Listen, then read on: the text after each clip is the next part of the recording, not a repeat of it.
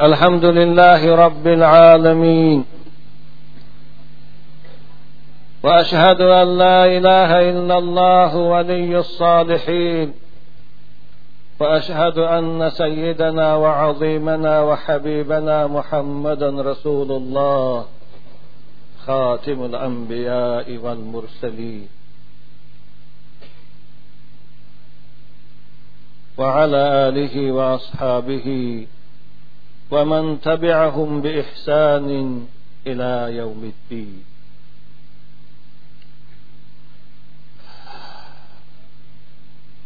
پروردگارا ما را بر طاعتت موفق گردان و از نافرمانیت دور بدار. پروردگارا ما را از آزاد شدگان آتش دوزخت گردان و از جمله مقبولان درگاهت شما. خدایا زندگان ما را توفیق بندگی عنایت فرما و گذشتگان ما را از رحمتت شاد گردان.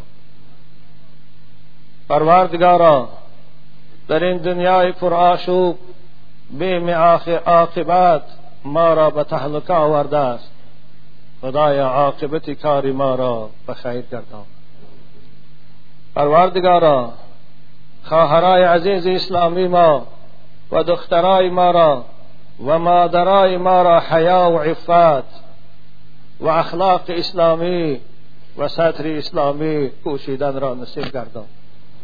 و از بی حیایی و بی عفتی و از بد اخلاقی و از دور شدن از احکام اسلام خدایا جامعی عالم اسلامی را و خصوصا زنهای مسلمان ما را نگه دار.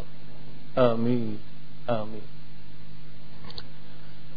أعوذ بالله من الشيطان الرجيم بسم الله الرحمن الرحيم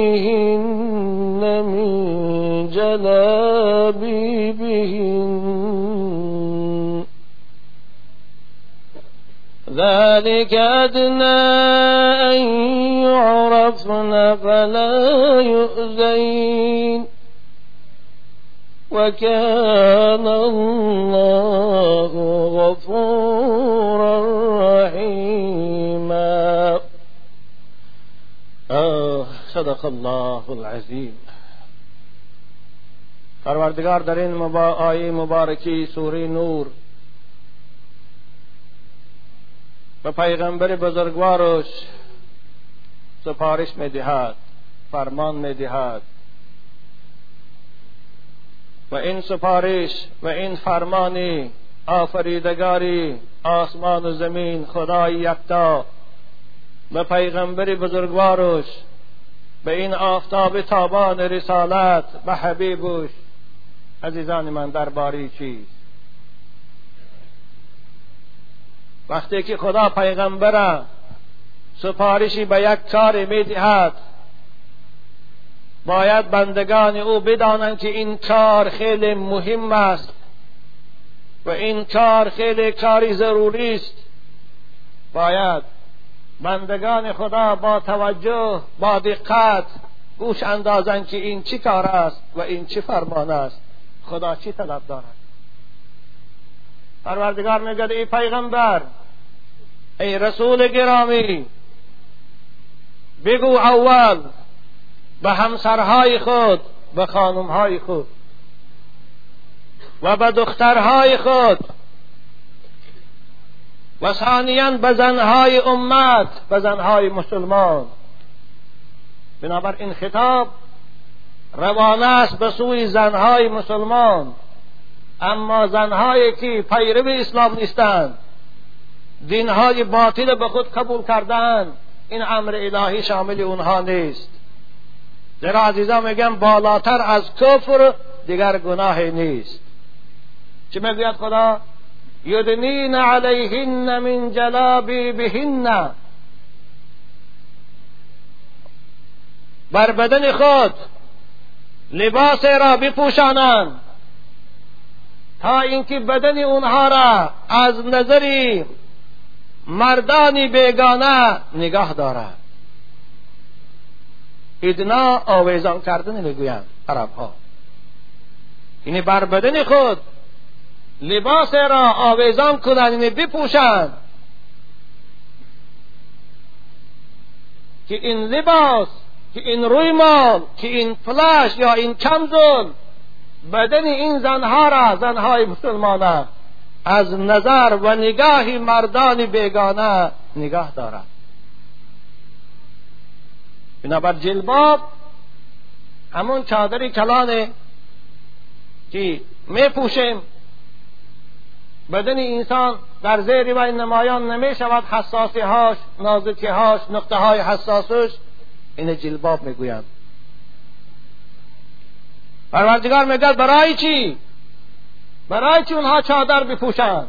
برای چی اونها پلش بپوشند؟ برای خاطر آنکه از جانب مردهای شهوت پرست از جانب آدمهای حیا مورد تعرض و دسترازی قرار نگیرند ببینید خواهرای عزیز مادرای عزیز اسلامی پروردگار برای عفت شما برای نگاه داشتن ناموس شما برای خاطر کرامت شما را برداشتن شما را امری به پوشیدن چادر کرد. زیرا خانمی که در بر لباسی با وقار داشته باشد در بر لباسی اسلامی داشته باشد هیچ مردی او باش و هیچ جوان او باش غیرت نمی کند به سوی او چشم اندازد یا به سوی او گپ پرتاید یا به سوی او دست دراز کند. بنابر قرآن میگه ذالک این پوشیدنی چادر برای خاطر آن است که ان یعرفن شناخته شوند که این زنی مسلمان است این زنی با حیاست این زنی با عفت است. ای مرد بولحواس تو خاطرت از این جمع کن. نمی‌توانی تو را در دامت غلطانی فلا یؤذی و کان الله غفورا رحیما.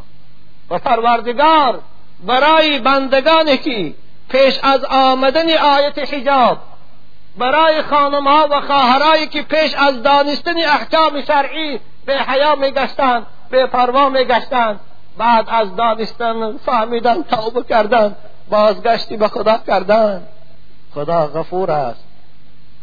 بخشنده است برادران عزیز الان پیش از آمدن مسجد دو خواهر اسلامی با لباسی زیبا اسلامی در بر در نزد دروازه انتظاری من میکشیدم و خود عادتا من پیش از برآمدنی بالای منبر کسی را نمی‌خواهم قبول کنم. در که به خود مشغولیتی دارم. بنابر خواهش می‌کنم بعضی کسانی که به من در اون حالت با می‌خورید من به شما التفات نمی‌کنم یا شما را دعوت نمی‌کنم از من خفه نشوید. حضور من را قبول کنید. خوب من از دیدنی خواهرها اول ناراحت شدم. چرا که وقتی من می‌گیرم اما خواهر اسلامی به من سلام کرد گفت ناملای عزیز یک سوال کوتاهی دارم. بنابر بعد از جمعه شما را دیده نمیتانم تیز به همین سوال من جواب گویید. خوب خواهر عزیز گفتم سوال چیست؟ گفت این دگانی من گفت همراهش بود یک خانمی دیگر. من این نصیحت کردم این دعوت کردم برای اسلام. الحمدلله اسلام قبول کرد. الحمدلله احکام اسلام قبول کرد. این خانم خود پیش این دگانی من گفت خیلی به حیا بود به عفت بود و ایران میگشت. اما من به او هرچند میفهمانم که خواهر وقتی که تو حجاب اسلامی رو قبول کردی وقتی که تو نمازخان شدی خدا گناه های تو را همش میگذرد او سخن من باور نکرد. بنابر اون من مجبور کرد که من پیشم با ایشان بر من از زبان خودش شنوم که اگر من توبه کنم من از اون به حیاییم باز استم خدا گناه من میگذرد باور کنید جوانای خوب عاشقان مدرسه محمدی. وقتی که من با دختر صحبت می‌کردم که خواهر عزیز اسلام دین است که یهدیم ما قبله. همه گناه های پیشینی بنده را به سبب مجرد کلمه لا اله الا الله محمد رسول الله گفتم میگذرد. به مجرد توبه کردن از گناه پاک می شود مانند نو از مادر تولد شدگی بارین او خواهر آب دیدش چنان میرس که خوش نگاه داشت نمیتانید این است نشانه توبه نسوح او خود از حیاتی تا امروزه گذراندهش الکید خسته شده است. از فاحشگی و از حیایی خسته شده مانده شده است. الحمدلله که پروردگار با دعوت این خواهر اسلامی او را باز بازگشتی به سوی اسلام کرده شد. بازگشتی به حیات کرده شد. صاحب حجاب اسلامی شده است.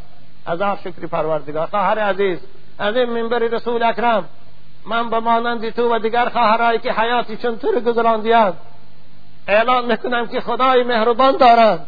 خدای بخشنده دارند. خدای دارند که هر محالت به بندش خطاب می‌کند. نبع عبادی انی انا الغفور الرحیم. خدای دارند که به بندگانش می‌گوید ان الله یغفر الذنوب جمیعا. خدای است که همه بنده را گناهش چقدر بزرگم باشد میگذرد. وقتی که شما بازگشتی به خدا کرده وقتی که شما از توبه کرده دیگر گناه های پیشینه تان پیش رو بیاره اونها آمرزیده شدن وقتی که من به او گفتم هر نماز می‌خوانی؟ تو الحمدلله نماز خان شدم. بالای جای نماز ده وقتی که نماز می‌خوانی دست بردار دعا کن. که خدایا من نادانسته به جانم ظلم کردم. خدایا من سزاوار عذاب هستم. این جسدی من طاقت عذاب تو ندارد. گناه من گذر من به او این کلمات می گفتم او به اختیار چنان گریه می‌کرد که آواز کوچه می برآمد این است عزیزان من نشانه توبه نسوح بارک الله خواهر عزیز خدایا دیگر خواهرای به حیای ما را هم مانند تو با عفت و با حیا سازد در این آیت پروردگار برای ان هم تو بندگان ره زده که آخر با هدایت پروردگار با دعوتی داعیان اسلامی چی خواهران اسلامی چی برادران اسلامی باز بازگشتی به سوی خدا می‌کنند. پروردگار میگه و کان الله غفور الرحیم پروردگار بخشندی گناه هاست و مهربان و دلسوز است برای بندهش هرگز نمی‌خواهد بنده مطیع او بنده فرمانبردار او گرفتار عذاب شود. خب، در این آیه کلمه پروردگار خواهرای عزیز شما را به پوشیدن لباس سپارش می‌دهد که بدن شما را نقطه های حساسی بدن شما را از چشم بیگانه ها نگه دارد. بنابر لباسی که امروز دخترهای ما مسلمان ها می پوشند که عبارت از کرته است که پیشی بری او پیشی سینی او اریان است. و لباس است که کرته او بعدش از آرنج و بعدش از بالای کیتف آستین ندارد. و لباس می پوشند که بعضی اونها از زانو پایانشان بروب ندارند. مگر خواهرای اسلامی این لباس لباس مسلمان است. مگر پوشندگان این لباس خواهرایی که این لباس می پوشند مگر اونها مسلمانند؟ خواهرایی که اگر شما نادانسته این لباس ها رو می پوشیده باشید بدانید که وای لباس لباس شما نیست وای لباس لباس کافرها هست. وای لباس لباس دشمنای خدا هست. شما باید کرته بپوشه که گریبان او پیشش بسته باشد. شما باید کرته پوشد که آستین او تا بندی دستان دراز باشد. این است لباس مسلمان. شما باید کرته بپوشد که اون قدر شفاف و تنوگ نباشد که بدن شما را نمایان سازد. آخر قرآن در آیه های دیگر در سوره احزاب به زنهای پیغمبر و به تمام زنهای امت اسلام خطاب می‌کند. اعوذ بالله من الشیطان الرجیم و قرن فی بیوتکن ولا تبرجن تبرج الجاهلیت الاولا ای زنهای مسلمان وظیفه شما در خانه شستن است. وظیفه شما احترام شوهر کردن است. وظیفه شما فرزند صالح تربیت کردن است.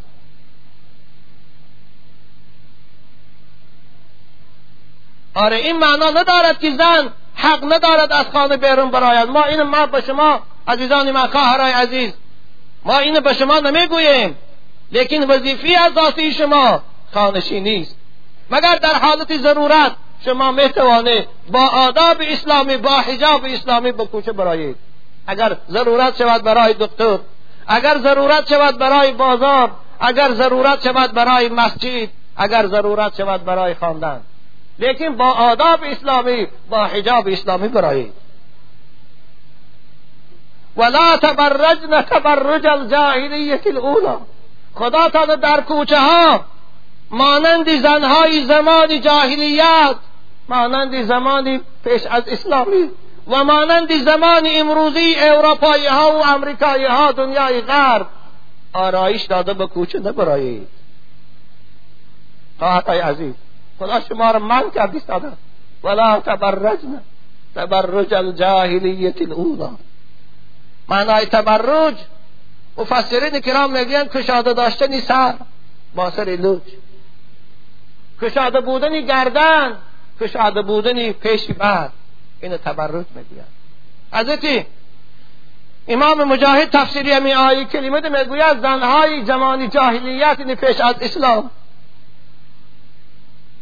در بین مردها گشت گذار می‌کردند.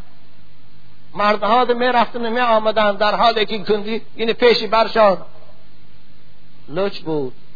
در حالی که روی مالشان پشی سر پرتافته بود پشی پشت. حضرت امام مقاتل می‌گویند تبرج جاهلیت این است که زن خوش آرایش میتید بین مردها در, در کوچه ها. و آمیز. این قدم می‌زند. این رفتار می‌کند. حرکت می‌کند که توجه مردها را به خود جلب می‌کند. این تبرج جاهلیت می‌کند. خواهرای عزیز قرآن شما را از این نوع رفتار من کردی است. ولا تبرجن تبرج الجاهلیت الاولا و اقمنا الصلاة و آتینا الزکاة و اطعنا الله و رسوله خواهرای عزیز مادرای مسلمان وظیفه شما پنج وقت نماز خواندن است. وظیفه شما اگر ثروتمند شده زکات دادن است. وظیفه شما اطاعت فرمان خدا و پیغمبر کردن است. بنابر امروز لباسی که مادولیارهای غرب لباسی را که دنیای غرب برای ما زنهای مسلمان برای خواهرای ما پیشنهاد کردیند هر روز نمودهای وی در اکرانهای تلویزیون نشان میتیند یا در صحنه های مگزین ها میبرارند که لباس های شفاف لباس های تنک لباس های تنگ. این لباس لباس مسلمان نیست. خواهر مسلمان او لباس لباس تو نیست ولی لباس لباس دوزخی هاست. اهل سلاف این گذشتگان ما می‌گویند که از سیاب الرقاق سیاب الفستاق لباس تنوک این لباس زنهای فاحشه است. لباس تنوک پوشیدن این لباس زنهای عفت و ناموس است. بنابر باید زن مسلمان لباس تنوک نپوشد که بدنش از زیر اون نمایان باشد. حضرت صوفی الله را می‌گوید گر نماید ز تحت ثوب بدن موجبی لعنت است بر آن زن. اگر خواهرای مسلمان ماننده که امروز کامبختا برآمده است شفانها برآمده است اگر شما اونها را به تاپوش پوشید بدن شما دست شما یا گجای شما تابد شما در لعنت خدا گرفتار هستید لعنت خدا برای کسی است که این نوع لباس می پوشد آخر باور کنید این لباس لباس زن مسلمان نیست.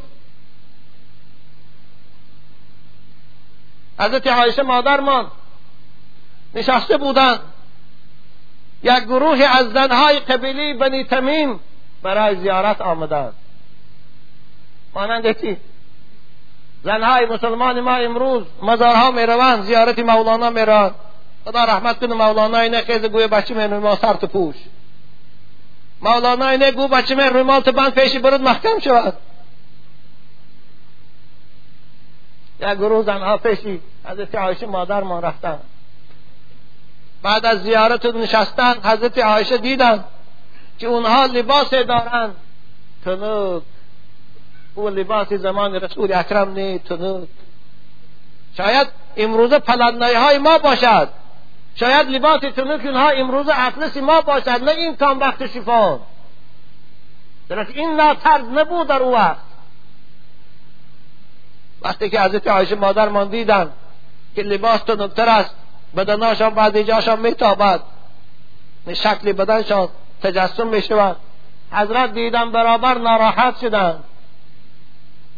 حضرت عایشه مادر ما ناراحت شدن و همون زنها خطاب کردن. گفتن این کنتن مسلمات فلیست هذه بسیاب المسلمات. خواهرا گفتن اگر شما دعوای مسلمانی کنه اگر شما خودتان مسلمان دانه این لباسی که شما در بر داره لباسی زن مسلمان نیست. خواهرای عزیز خانم پیغمبر همسر پیغمبر مادر ما و شما این گفت گفتی ساده است. مادر همیشه برای دخترش غمخوار است و نمی‌خواهد دختری وی بدبخت شود. مادر هیچگاه نمی‌خواهد دختری وی دوزخی شود گرفتار لعنت شود. بنابر وی زیباترین و فایده دارترین نصیحت برای دخترش می‌کند. شما خواهرای اسلامی مادرای عزیز دخترای عایشه هستی. باید به نصیحت مادرتان کار کنی. گفتم دخترای من گفتن اگر شما مسلمان باشید این لباس مزن مسلمان نیست. فان کنتن غیر مسلمات فدونکن اما اگر شما مسلمان نیستید اما اگر شما خودتانت پایبند اسلام نمیدانه اختیار شماست. گفتن چی میپوشه؟ پوشه. ببینه فقط پوشیدن لباس تنوکه حضرت عایشه مادرمان برای زنهای امت اسلام راضی نشدن چه حال می‌شد حال عایشه وقتی که امروز می‌دید دخترای مسلمان با کرتی شفان یا با کرتی کم وقتی که اگر کم بینشکش نباشد همه بدنش رنگی بیرون میتابد. حال عایشه چی بشود بنابر فقها هم در کتاب های فقهی می‌گویند سهرای عزیز. در کتاب های فقهی میگن لا تلبس المرأة الثوب الرقیق الذي يصف بدنه فانه یوجب اللعنه باید زن مسلمان لباس تنک نپوشد که یصف بدنها بدن او را یعنی نمایان سازد. از شفافی بدن وی تافته استد این تو لباس نپوشد که فانه یوجب اللعنت آخر این طرز لباس سزاوار لعنت میگردانه پوشنده شد خواهرای عزیز این لعنت کلمی خیلی وزنین است. معنای لعنت دور بودن از رحمت خداست. معنای لعنت گرفتار شدن به عذاب دوزخ است. معنای لعنت یعنی شوم تافتن در, در نظر خدا هست. این کلمه کلمه ساده نیست. پیغمبر خدا. هزار و چهارصد سال پیش این نوزنهایی که لباس تنگ می پوشند اونها را اهل دوزخ گفتند. باور کنید. باور کنید خواهرای عزیز. مادرایی که خودتان به دست خودتان دختراتان به کرتی شفا می‌خرید. مادرایی که به دست خودتان میره از بازار کامبخت تنگ می‌خرید. شستومه هفتاسومه حالا کامبخت های برآمده است والله باور کنید مانندی برگ گل بارین نازک است اما او طرفش میتابد. الحمدلله امروز ثروتمندها از وی می‌گیرند میپوشند دختراشان و همسراشان.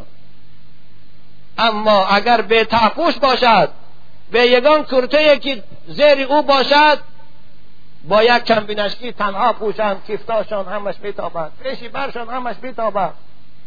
این رسول اکرم چی گفتند؟ وعن ابي هريره رضي الله تعالى عنه قال قال رسول الله صلى الله عليه وسلم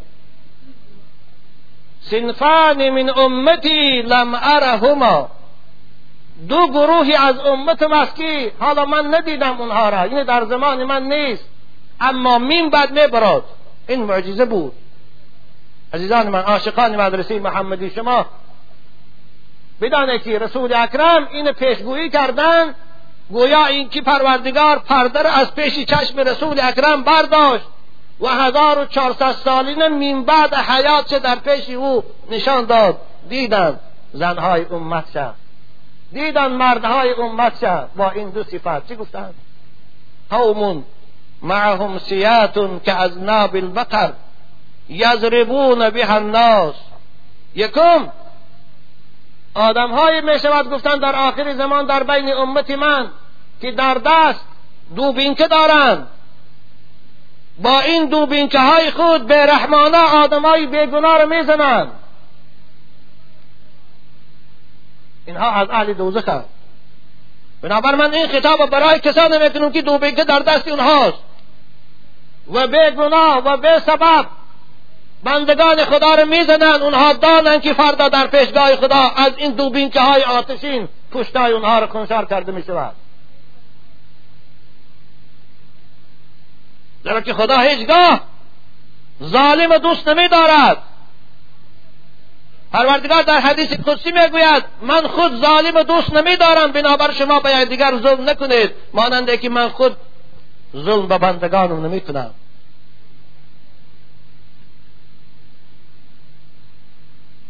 شاعر می‌گوید لا تظلمن این کنت مقتدرا فالظلم ترجع عقباه على الندم. ای دو بین که بدست ای صاحب کرسی ای مفتش ای شش بدل کارگروش به یک بیچاره ظلم نکن. به یک آدمی بیگناه برای خاطری تهمت شده او رو ظلم نکن. امروز که تو قدرت داری این که تو منصب داری امروز که تو کرسی داری. فالظلم ترجع عقباه الى الندم. ظلم آخرش پشیمانی می بیارد ظلم آخرش خانه خرابی می بیارد از ظلم و اذا دام دمر ظلم وقتی که ادامه کردن گرفت و جامعه را خراب می‌کند مملکت کلاب می‌کند خانی خودی ظالم و بیران می‌کند. و عیناک تنام عیناک والمظلوم منتبه يدعو عليك وعين الله لم تنمی تنام تو ای ظالم أو بیچاره رو میزنی با که بالغت خونشار میکنی بهوش میکنی. در کمیره میپرتایی خواند میری در بالای دیوان خواب میری. تنام عیناک تو رو خواب میبرد در بالای دیوان. بعد از این وحشیگری بعد از این ظلم و بیدادی. و المظلوم منتبهون. او بیچاره نالش می‌کند دعا می‌کند یدعو علیک و عین الله لم تنمی. او بر در حق تو دعایی بد می‌کند اما چشمی هست که او رو ایستاده است چشمی هست که او رو می‌بیند. چشمی هست که کم او رو پوزن داشته نمیتاند او دیدی ایستاده است او دعای او شنیدی ایستاده است او حال این بندی مظلوم شد. با او جراحت های خونالود دیدی ایستاده است یدعو علیک و عین الله لم تنمی پروردگار چی می‌گفت است عزتی و جلالی یا مظلوم لانصرنک ولو بعد حین. پروردگار می‌گفت ای بنده مظلوم من تو صبر کن قسم به عزت و جلال من خانه این ظالم خراب بکنم. حذر کن زدودی در اونهای ریش حذر کن زدودی در اونهای ریش که آه جهان به هم برزند احتیاط کن ای ظالم ای بیرحم و یا مانند تو انسان است. وقتی که بادم که او بیگناه می‌زنی با و با شقاتی تصور که خود در جای او باش. ای زبردستی زیری دست آزار. گرم کی بیماندیم بازار. تا کی؟ تا کی؟ آخر روز از منصب میری. آخر از منصب هم نره روز مرد تو از این منصب کناره بکنه پیش خدا بری. قوم معهم سیات که از ناب البقر یضربون بها الناس. دویم کی است دویم گروهی که رسول اکرم گفتند اینها باشندگان دوزخند کیانند نساء کاسیات. عاریات مائلات ممیلات. رؤوسهن كأسنمة البخت المائلة. لا يدخلن الجنة ولا يجدن ريحها. وإن ريحها لتوجد من مسيرة كذا وكذا رواه مسلم. دویم کی است حضرت زن دویم زنهایی است در بر لباس دارند. لباس تنوب لباس شفاف. یا لباسی تنگه که بعض خواهرای ما میپوشند. لباس های جنسی تنگه بپوشند که هر موضوع موضع حساسی بدنش علاحده میتابد سینه هاش ران پاش دنبه هاش یا الله. ظاهرا در بر لباس دارند اما هر جای شهوت انگیزی بدون او علاحده نمایان است. آریاتون.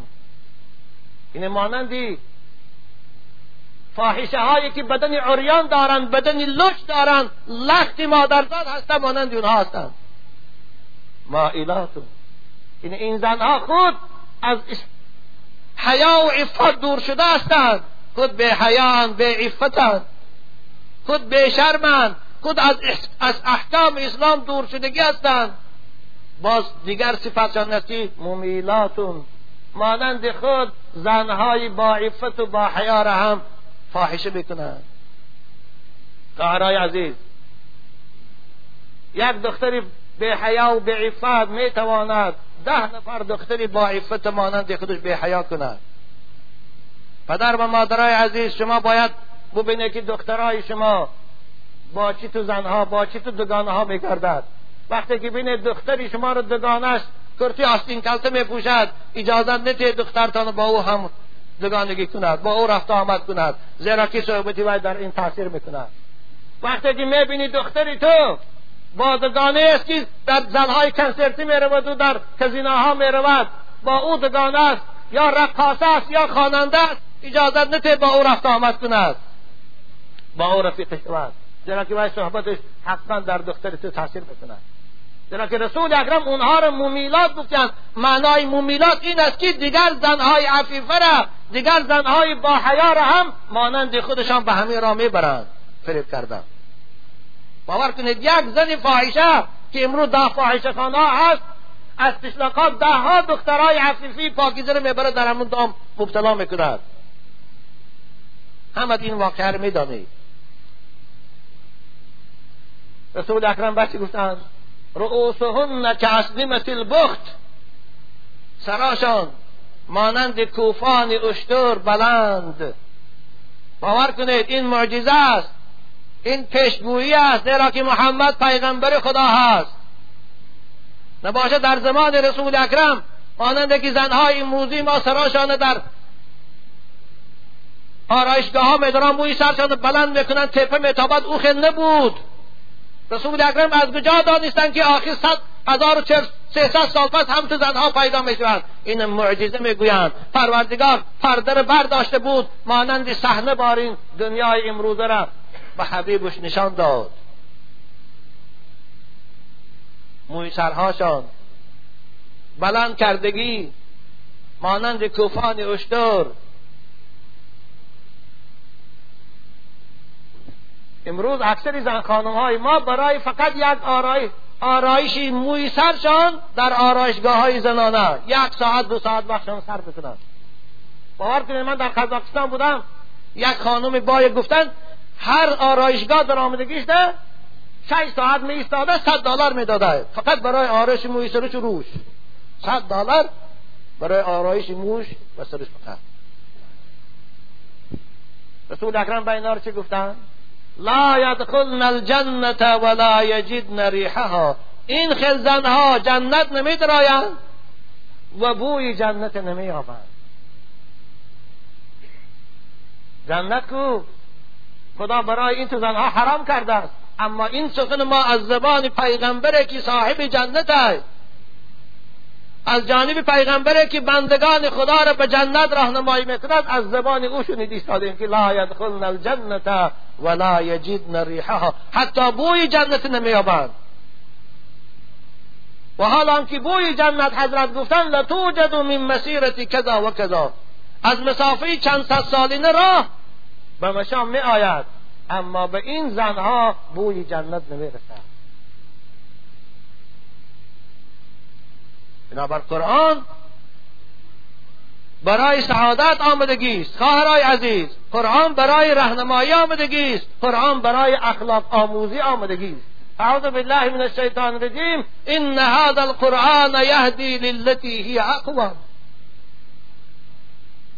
آخر شما به کی تقلید می‌کنید؟ خواهرای عزیز به کی تقلید می‌کنید؟ پیغمبر بزرگوار همسراش این تو لباس نمیپوشیدن. لباسی کرتی آستین کلته دار. پیغمبر دخترش لباسی کرتی آستین کلته نمیپوشید. پیغمبر دخترش یعنی به ازار نمیگشت. پیغمبر دخترش و همسرش به روی مال نمیگشت. شما این به روی مال گشته نه. شما به آزار گشته نه. شما کرتی آستین کلته پوشیدن از کی یاد گرفته از کی؟ از دنیای غرب. تقلید کورکورانه به دنیای غرب به بدنیت غرب شما را از دین بدین کرد. شما را از خدا جدا کرد. شما را از پیغمبر دور کرد. علامه اقبال می‌گوید اعتهی از ذوق و شوق و سوز و درد هیجدانی عصر نو با ما چه کرد؟ عصر نو ما را ز خود بیگانه کرد. از جمال مصطفی بیگانه کرد. باور کن خواهر عزیز تو را این عصر زرق و برقش این عصر زیباگیش این عصر ماده هاش تو را از خدا دور کرد از پیغمبر بیگانه کرد. خدا برای تو هر نوع آرایش اجازت داده است. تو همه نوع لباس میتانی پوش. تو همه نوع خوشبویی می‌توانی کن همه اسباب دیور می‌توانی استفاده بر. اما در حدود قانون اسلام. همه انواع متریال برای تو رخصت از پوشش وقتی که کرتی آستیندار کنی شد همه انواع زیباگی ها برای تو رخصت است. وقتی که برای شوهرت کنی این زیباگی تا در خانه کنی.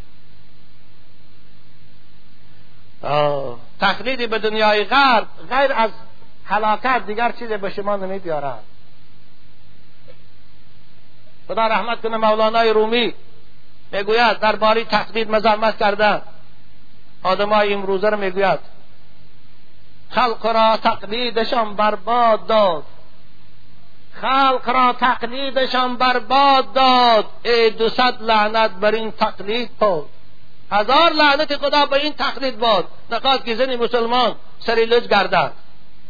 نخواست که زنی مسلمان کرتی آستین کلته پوشد. والله کدام روز جنازه می رفتم شهر. در داخل ماشین دخترای تاجیک دیدم مایکه کتی در پوشاگش ایستادیم فقط بالای کیف یک بندک بستگی از خلاص. مایکه؟ دختری مسلمان است. حالا همون زد اگر مرد و با جنازه می‌کنه حالا با همون اگر شوهر کند کدام ملای بیتافی با وی نکاح هم می‌کند. حالا که نکاح وی درست نیست والله نکاح درست نیست وی کافر است. در چه پوشیدنی؟ بدن این فرد است. نسی قطعی خیلی ثابت شده قرآن میگه اعوذ بالله من الشیطان الرجیم ولیضربن بخمرهن علی جیوبهن زنی مسلمان باید روی مال پوشه که بدنی یا پیش بری به پوشاند کجای وی مسلمان است. کدام جوان مرده همین خیلی خانم ها دخترها رو گرفته باشد در همون حالت نکاح کرده باشد. من از این منبری رسول اکرم با تمام مسئولیت میگم باید نکاحش نکاح نیست ایسر نکاح کنند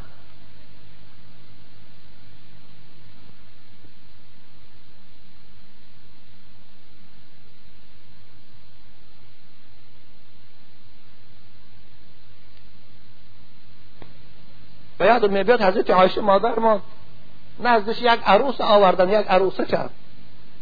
مانند عروس های ما بارین برای دعا گرفتن پیش حضرت عایشه خانم پیغمبر آوردن.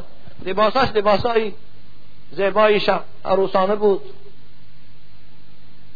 اما در سرش یک رویمالی سفید مادرش پرتافته بود. سرش بالای مویهاش در رویمالی سفید تنک بود.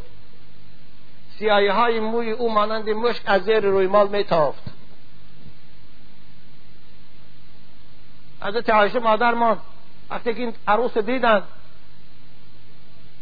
عروسی زیبای مانند عروس های ما باریم اما رویمالی سفید در سری او موی سری زیبای او تافتی استاده است از زیر او. حضرت چه گفتن؟ حضرت چه گفتن؟ ما آمنت بسورة النور ما آمنت بسورة النور امرأة تلبس هذا.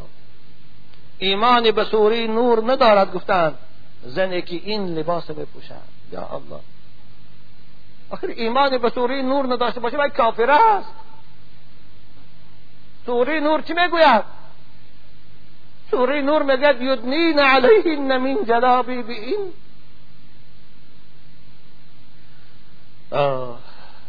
از این سبب باید خواهرای مسلمان خصوصا امروز عادت شده است چه دختری ملا و چه ایشان؟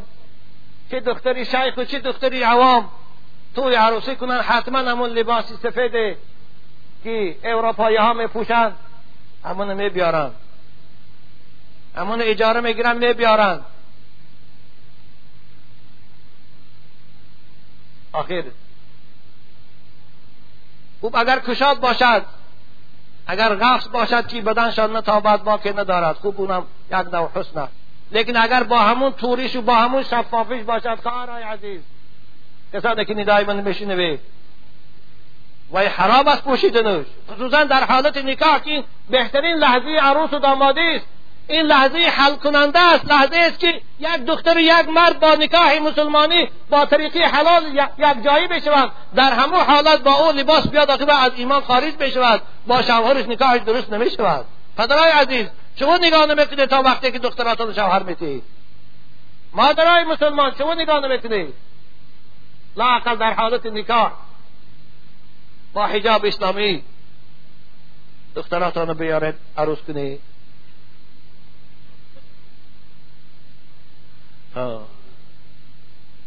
حضرت عایشه مادر ما روایت می‌کنن اسما می‌گوید خواهری من.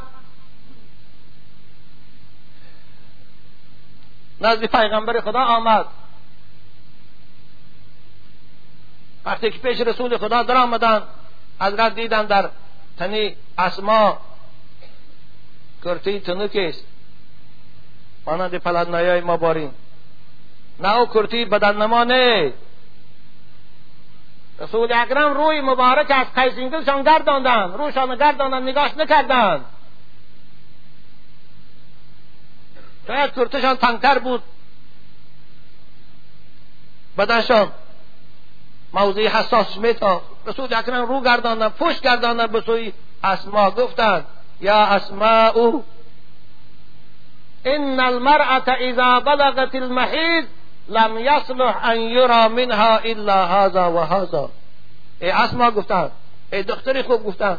زن وقتی که به بلاغت می‌رسد وقتی که ده ساله و یازده ساله می شود دیگر برای وی حلال نیست بدن او در نظر مرد بیگانه نمایان شود. مگر روی او و کف دست او. روش میلش خواهرای عزیز منم با شما میگن شما روی مال بنده.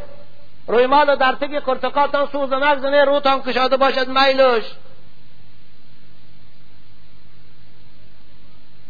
شما می‌تونه کار کنه. می‌تونه مکتب روه می‌تونه مسجد روه باقی ندارد. در که همه فقها الا الوجه و الکف و القدم رخصت دادین او رو کشاده بودن شد. اما گردن شما را پیشی بری شما را کشاده بودنش این از نظر اسلام درست نیست. اگر شما خودان مسلمان گویه خواهرای عزیز این از نظر اسلام درست نیست. قرآن بگوید اعوذ بالله من الشیطان الرجیم. و کل المؤمنات یغضضن من أبصارهن و یحفظن فروجهن ولا یبدین زینتهن إلا ما ظهر منها. پیغمبر به زنهای مسلمان گو که با مردهای بیگانه با چشمی حوث نگاه نکنند. خواهرای عزیز مفسرین کرام میگویند تفسیر همین آیه کلمه ده بهترین و قیمتترین زینت زن این حیا هست. و روشنترین نشانی حیای شما این نگاه نکردن مردهای بیگانه است. خوب به کوچه میبرای پیش پاتان نگاه کرده راه روید. یا در دکان سودا بکنید با جوانها روی چشم اونها رو نگاه کرده صحبت نکنید مگر به قدر ضرورت؟ پیش پیش خدا نگاه کنید. خدا امر کرد به تو یغضضن من ابصارهن و یحفظن فروجهن. باید زن مسلمان شرمگاه خود از حرام نگاه دارد. زن مسلمان باید به شوهرش خیانت نکند. زن مسلمان باید فاحشه نباشد. زن مسلمان باید به عفت نباشد.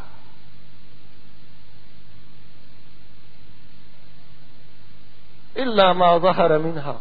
مگر آن اعضاهایی که آشکارا شدنش ضروری است؟ مانند رو مانند دست مانند پا. او وقتی ندارد. بنابر بعض خواهرها گفتن که اسلام زنها رو مجبور می‌کنن خانشین کند نه اسلام خانشین نمی‌کند شما رو خواهر اسلام شما رو فقط عفت نگه میدارد. اسلام فقط شما رو صاحب اخلاق عالی بکند اسلام شما رو فقط صاحب حرمت می‌کند.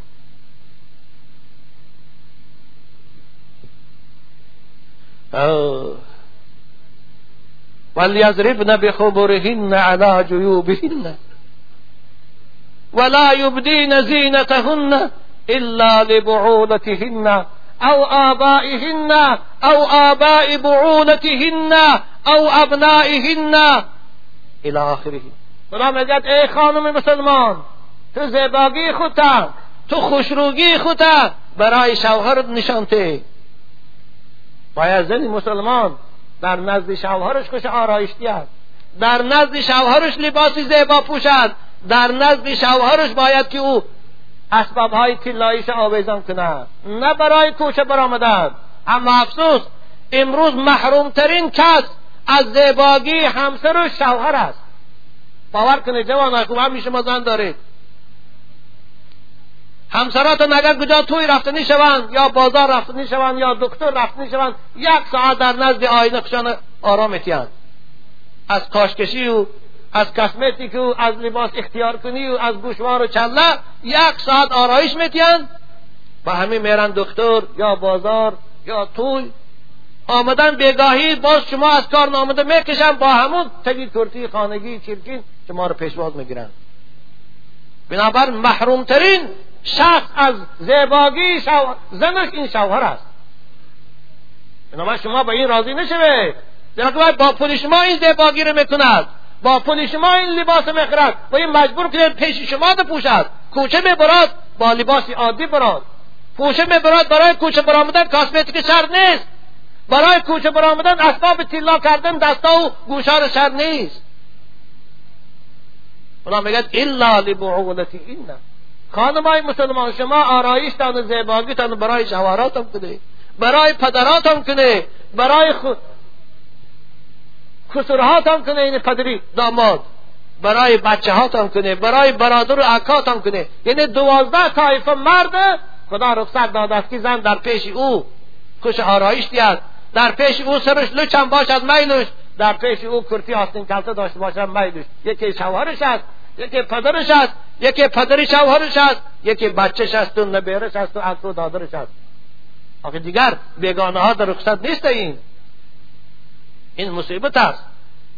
خواهرای عزیز به خدا که گاه من الحمدلله که امروز شماری اینا زاید شده است. در کوچه ها دخترای مسلمان خواهرای عزیز می‌بینم با لباس اسلامی. روی مال دارن در بیخی چیزاشان محکم پیشی براشان. رخساره هاشان مانند ماه زیبا میتابد. مانند ماه شب در آسمان بینی اطراف سیاه. یا سبز یا کبود ما چگونه جلا میتید خواهرای اسلامی که لباس اسلامی دارن مانند این روحاشان زیبا میتابد بنابر خواهرای عزیز فرفتی این عصر بشوید. این عصر غیر از بدبختی برای جامعه بشری چیزی ناوردد اعوذ بالله من الشیطان الرجیم. يريد الله أن يبين لكم ويهديكم سنن الذين من قبلكم ويتوب عليكم والله عليم حكيم والله يريد أن يتوب عليكم ويريد الذين يتبعون. خدا میخواد شما عفیفه باشه خدا میخواد شما با حیا باشه خدا میخواد شما با آداب باشه خوش اخلاق باشه. اما دنیای کفر اما لا لیل نستالین اما طرفداران فراید و مرکز و یریدون الذین یتبعون الشهوه پیروان شهوت. کسانی که خداشان شهوت است. کسانی که خداشان معیشت دنیاست.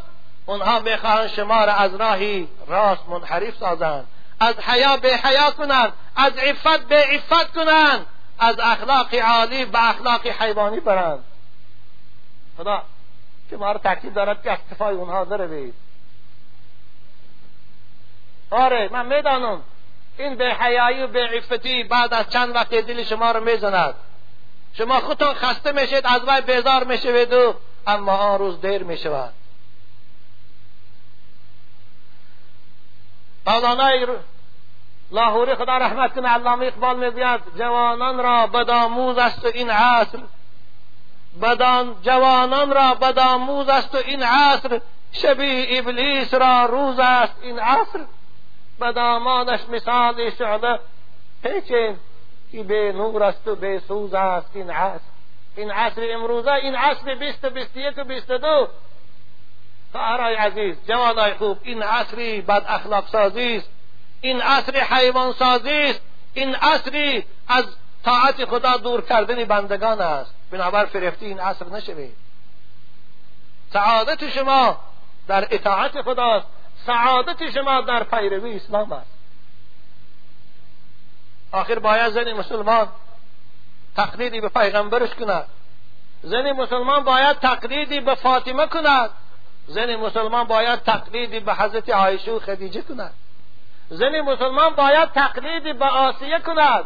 خواهرای عزیز قرآن برای ما داستانی یکی از زنهای کافر می بیارد که شوهرش کافر بود.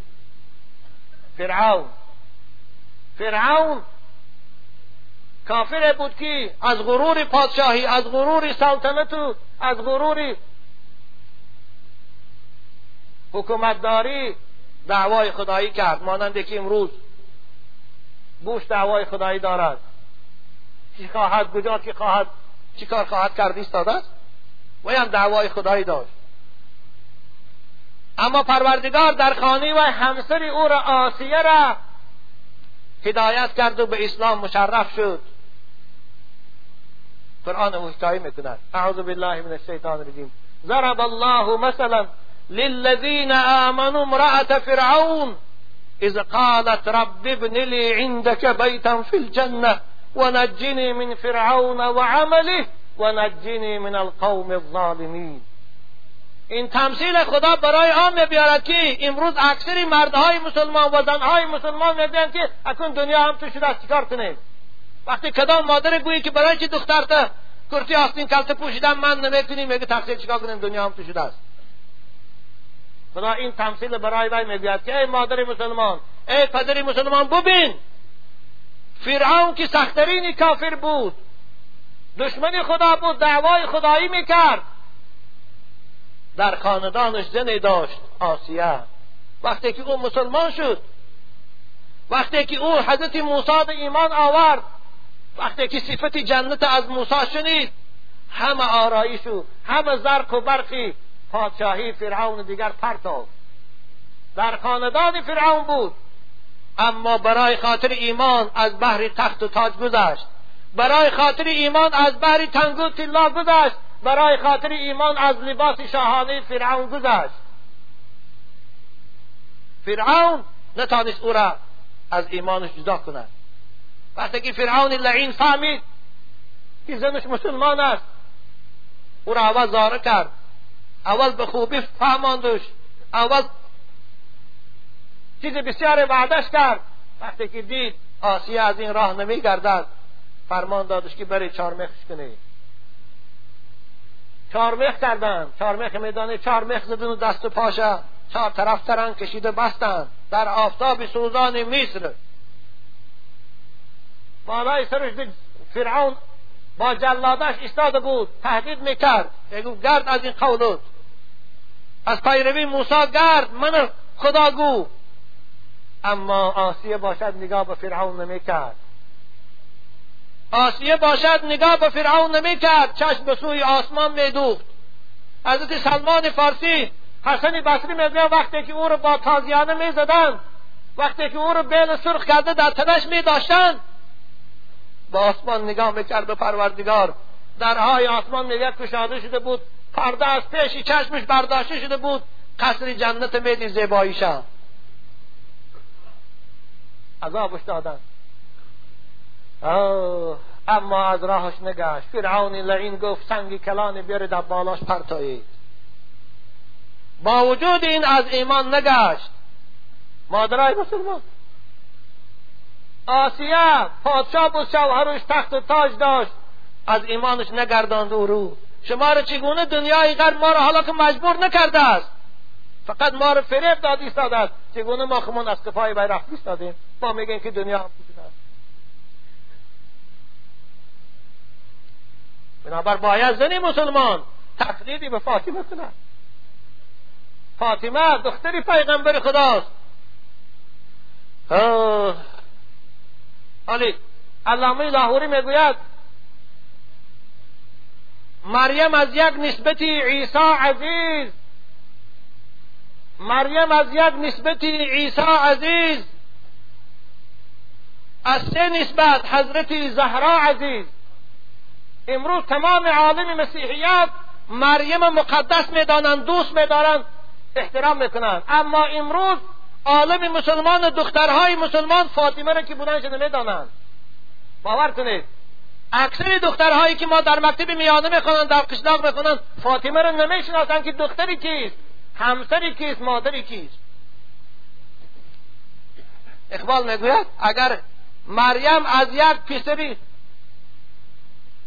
عیسی داشتنش اگر در نزد مسیحیت عالم مسیحیت عزیز باشد برای خاطر آنکه مادر عیسی آخر فاطمه سه نسبت دارد سه فضیلت از وی زاید دارد. یکم فاطمه دختری پیغمبر است. نور چشمی رحمتا للعالمین. آن امام اولین و آخرین.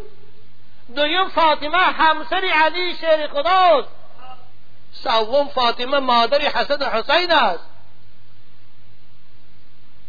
که مسیحیت مریم اینقدر دوست دارن شما باشه فاطمه رو نشناسید شما با فاطمه تقلید کنید مادران را. مزرعی.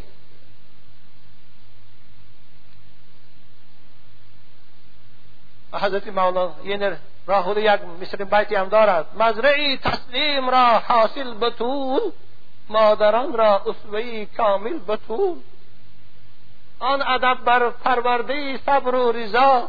آسیا گردان لبش پر آن سرا. بنابر شما خواهرای عزیز به حضرت مریم به حضرت آسیه به حضرت فاطمه و خدیجه تقلید کنید. لباسی کرتی آستیندار پوشید. در وقت کوچه میبرایید روی مال در سر پرتاید که پیش بده برای شما گردنهای زیبای شما پوشیده باشد.